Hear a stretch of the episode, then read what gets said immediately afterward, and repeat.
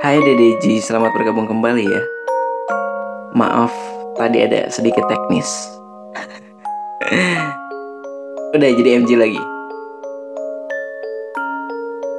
Kita tunggu 10 orang seperti biasa, baru kita setelah itu kita mulai lagi. Karena tadi kurang fokus buat baca dongengnya. Duh anak nakal ya. Ada Moca selamat tergabung ya. Maaf, maaf, alafu. Sorry, sorry banget ya. Fokusnya tadi ke mana-mana teman-teman. Jadi kita ulang lagi aja ya. Biar nanti fokus nggak apa-apa deh. Lima orang kita mulai. Nanti bakal naik sendiri. Dan dia lo selamat bergabung ya Dan ya. Nah kan rame lagi. Ada Muhammad Afton. Halo Bang, halo juga Dandi ya. Mau teprop juga nggak apa-apa. Kalau misalnya kalian nggak suka dongeng, kalian bisa support dengan cara teprop aja ya.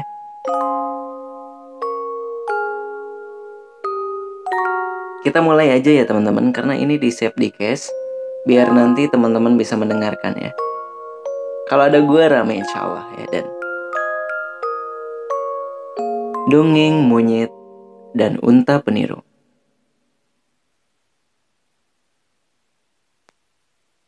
Sebentar ya, ini ada yang telepon. Halo yang? Udah tidur kah tadi? Bentar. Ah, lagi live.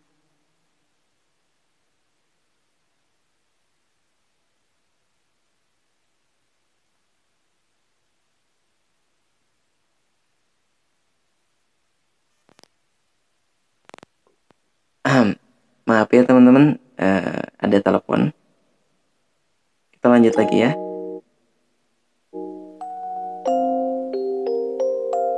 Selamat mendengarkan Lia, hai selamat bergabung ya.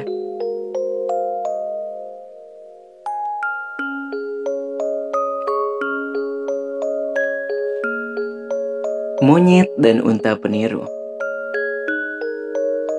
Pada suatu perayaan besar, untuk menghormati sang si, sang si raja hutan, oh, yang monyet ini udah ada ya? Udah ada. Ada Naya, selamat bergabung. Ada Psikosio, hai. Yang ini udah kita baca sebentar teman-teman. Oh ini, belum. Dongeng Putri Tikus Pada zaman dahulu kala, di sebuah kerajaan, hiduplah seorang raja dengan ketiga putranya. Ketiga putranya kini sudah tumbuh menjadi dewasa. Karena ketiga pangeran sudah dewasa, raja sangat berharap mereka segera menikah. Suatu hari, raja menyuruh ketiga pangeran untuk pergi mengembara. Dengan begitu, mereka dapat mencari seorang istri. Akhirnya, Pangeran Sulung meminta restu sang raja. Namun di tengah perjalanan, Pangeran Sulung melihat seekor tikus. Tikus berlari ke sana kemari. Tikus itu terlihat berbeda dari tikus lainnya. Akhirnya, tikus berlari menghampiri kaki kuda yang dinaiki Pangeran Sulung. Pangeran Sulung berusaha supaya kudanya tidak menginjak si tikus. Namun, si tikus tidak mau pergi. Hai tikus, pergilah. Janganlah sampai kau diinjak oleh kudaku. Teriak sang pangeran.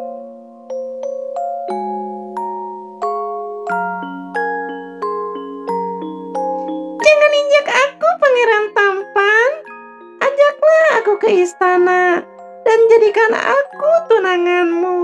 Kata si tikus.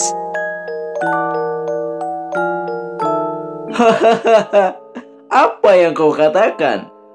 Aku akan membawamu dan menjadikanmu sebagai tunanganku. Itu tidak mungkin. Hahaha. Jawab Pangeran Sulung. Ia langsung pergi dan mempercepat kudanya. Tidak lama kemudian, Pangeran Sulung memberikan kabar kepada raja. Ia sudah bertemu dengan putri cantik dari kerajaan tetangga. Setelah mendapat kabar baik, pangeran kedua langsung pergi mengembara. Sama persis seperti pangeran sulung, ia bertemu seekor tikus. Tikus memohon untuk dijadikan tunangannya. Pangeran kedua tidak menghiraukan dan langsung pergi dengan cepat. Pangeran kedua pun berhasil bertemu dengan putri dari kerajaan lain. Akhirnya, Pangeran bungsu meminta restu raja untuk segera pergi mengembara dan membawa putri cantik.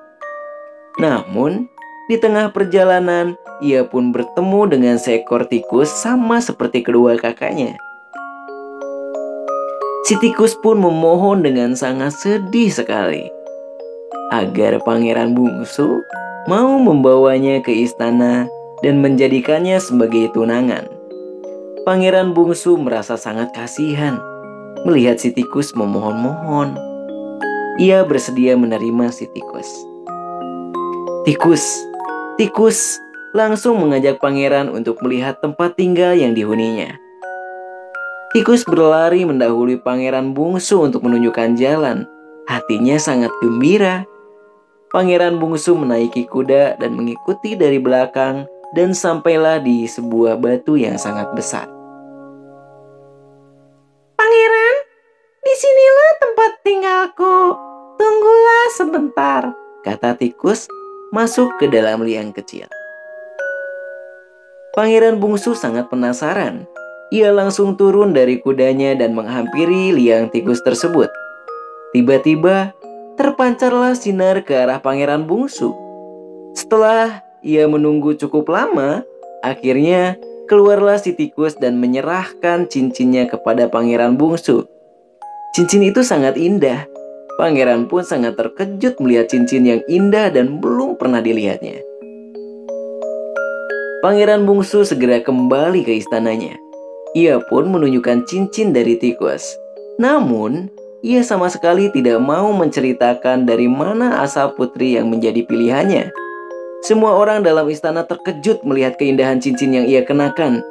Cincin kedua kakaknya tidak seindah cincin yang dimiliki pangeran bungsu. Setelah beberapa saat, raja memanggil ketiga putranya. Anak-anakku, aku ingin sekali melihat kalian.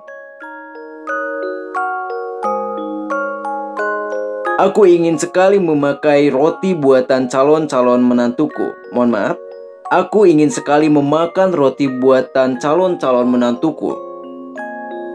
Pergilah dan tolong sampaikan pesanku ini kepada calon istri kalian. Kata raja. Pangeran bungsu sangat kebingungan. Ia berpikir bagaimana cara tikus tunangannya membuatkan roti untuk raja.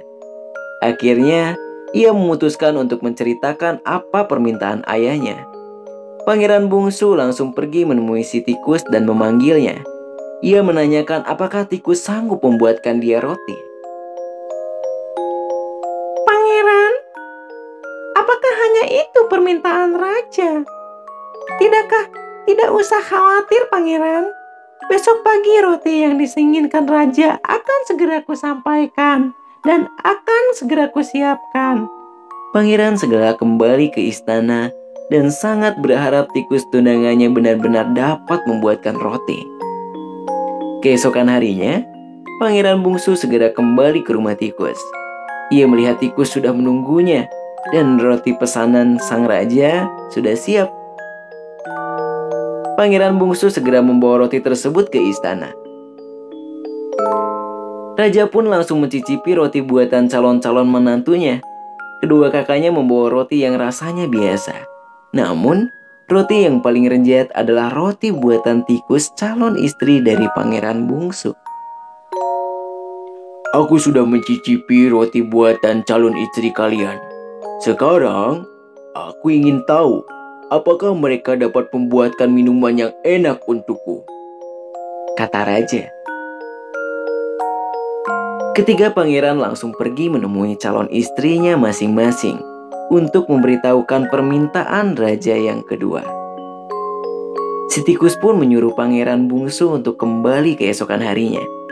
Keesokan harinya, pangeran bungsu kembali dan ia melihat sebuah pot emas dan dihiasi batu-batu mulia. Sudah siap. Ketika tutup pot, ketika tutup pot dibuka, terciumlah bau yang sangat wangi serta segar. Raja pun langsung mencicipi minuman itu. Namun, Raja tidak pernah meminum minuman sesegar dan seenak buatan si tikus. Raja sangat bahagia. Kalian bertiga sudah berhasil mendapatkan calon istri yang baik. Namun, putra bungsu tunanganmu lah yang terbaik. Roti dan minuman buatannya sangat enak, kata sang raja. Akhirnya, raja meminta ketiga putranya untuk membawa calon istrinya ke istana. Raja ingin sekali melihat wajah calon menantunya. Pangeran bungsu pun mulai kebingungan. Sekarang, apa yang harus aku lakukan? Bagaimana mungkin aku membawa tikus ke istana? Pangeran bungsu langsung pergi menemui tikus dan mengabarkan untuk membawanya ke istana. Tikus, sejujurnya aku sangat khawatir. Bagaimana caranya aku bisa membawamu ke istana? Kata pangeran. Jangan khawatir, pangeran. Semua akan berakhir dengan baik. Namun, pangeran harus menuruti semua yang aku katakan. Siapkan satu kulit telur, enam ekor kumbang, dan dua ekor lalat. Jawab tikus. Ikatlah keenam ekor kumbang pada kulit telur tersebut. Kemudian, pasangkan kedua ekor lalat dalam kulit telur. Satu di depan dan di belakangku. Aku akan berada paling belakang. Dan saat aku tiba di istana nanti, Tirukan apa yang kedua kakak pangeran lakukan kepada calon istrinya. Semua akan berakhir dengan baik. Sambungnya. Pangeran bungsu menuruti apa yang dikatakan si tikus. Hatinya pun sedikit ragu dan khawatir apa yang akan terjadi. Tidak lama kemudian, tikus duduk dalam kulit telur dan berangkatlah mereka ke istana. Pangeran Bungsu melihat kedua kakaknya menggendong dan mencium calon istrinya. Pangeran Bungsu pun melakukan persis seperti kakaknya. Tanpa diduga, tiba-tiba se seorang putri cantik berada dalam gendongan Pangeran Bungsu. Dan kendaraan yang dinaiki tikus berubah menjadi sebuah kereta yang sangat indah. Lengkap dengan pengawalnya. Mereka pun masuk ke dalam istana. Semua orang yang berada dalam istana sangat terpesona melihat kecantikan putri tikus. Setelah mengenalkan, setelah mengenalkan calon istri dari ketiga pangeran, putri-putri tersebut kembali ke istananya masing-masing. Pangeran bungsu mengantarkan putri tikus kembali ke rumahnya. Batu tempat tinggalnya berubah menjadi istana yang indah dan megah. Ternyata, putri terkena kutukan penyihir yang sangat jahat, sehingga istananya berubah menjadi batu dan ia berubah menjadi tikus. Akhirnya, Putri dan Pangeran Bungsu menikah dan hidup sangat bahagia. Weh. Akhirnya tikus, putri tikus dan pangeran hidup bahagia, teman-teman. Jadi, pesan moral dalam cerita ini Jangan melihat orang lain hanya dari penampilan luarnya saja ya teman-teman. Setiap orang itu memiliki kelebihan yang mungkin kita tidak tahu. Jangan sampai kita tuh menilai orang lain itu dari fisiknya aja. Kita juga harus bisa pintar-pintar menilai seseorang itu dari hatinya. Istilah ada istilahnya itu ada kata inner beauty ya. Menilai seseorang itu dari dalam gitu. Ya udah dongengnya udah selesai nih. Kamu bobo ya. Iya, kamu juga bobo ya, anak baik-baik. Oke, teman-teman, itu cerita pertama tentang kisah uh, cinta putri tikus. Yuk yuk auto cabut biarkan penyiarnya membacakan dongengnya. Jangan, terima kasih ya tepluknya ya. Temenin AA lah buat dengerin ceritanya. Di sini ada 9, 9 orang saat ini teman-teman terima kasih ya. udah mau stay di sini. Wow, ada Apriliani, terima kasih. 11 Januari, halo, selamat bergabung ya. Kita obrol dulu sebentar ya. Devi masih di sini kah atau tidur?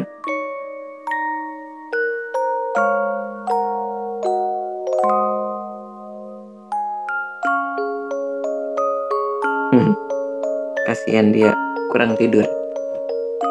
Kita yang didongengin neneknya Bang DJ yang tidur pulas katanya. Aduh aku sendirian di sini anak baik-baik ya. Ada PJR, hai PJR selamat bergabung kembali ya. Terima kasih udah mau stay. Teprok dulu. Mama penggemar tuh ben nih suka dongeng kan. Ini teh lagi kerja kak jadi ngantuk ya Allah. Aduh. Masih sayang. Mau udahan aja. Ada Ribka Sil Silabana, halo selamat bergabung. Coba lihat WhatsApp A dulu. Lihat WhatsApp A dulu ya. Terus siapa yang ngomong belum bentar. Terus siapa yang ngomong bilang belum tidur kamu bar kata. Sebentar ya.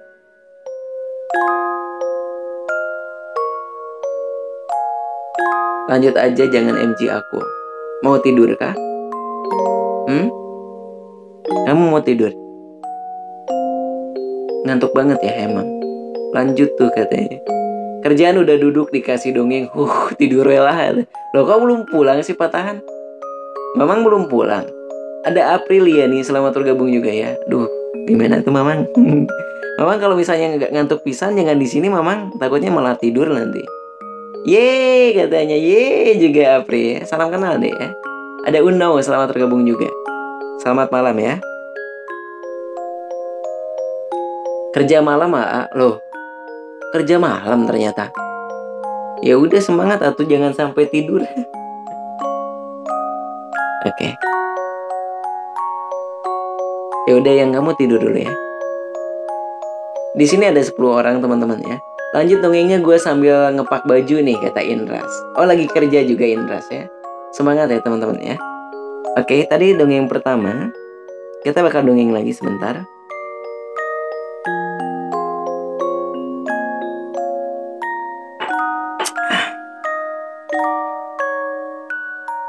Ada parah selamat bergabung. Aku nggak mau didongengin bang. Aku maunya nonton aja bedanya.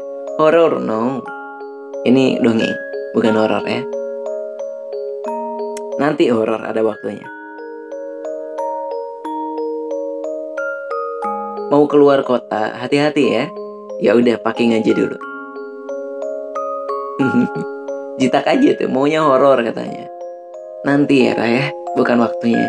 Nanti ada konten horor. Aku bakal bawa konten horor, tapi bukan sekarang. Oke, okay? kamu di sini aja. Ini dangdutan gitu. Kadang ingin malin kundang sebentar. Ada request dari teman kita PGR ya. Pengen dengar malin kundang. Malin kundang.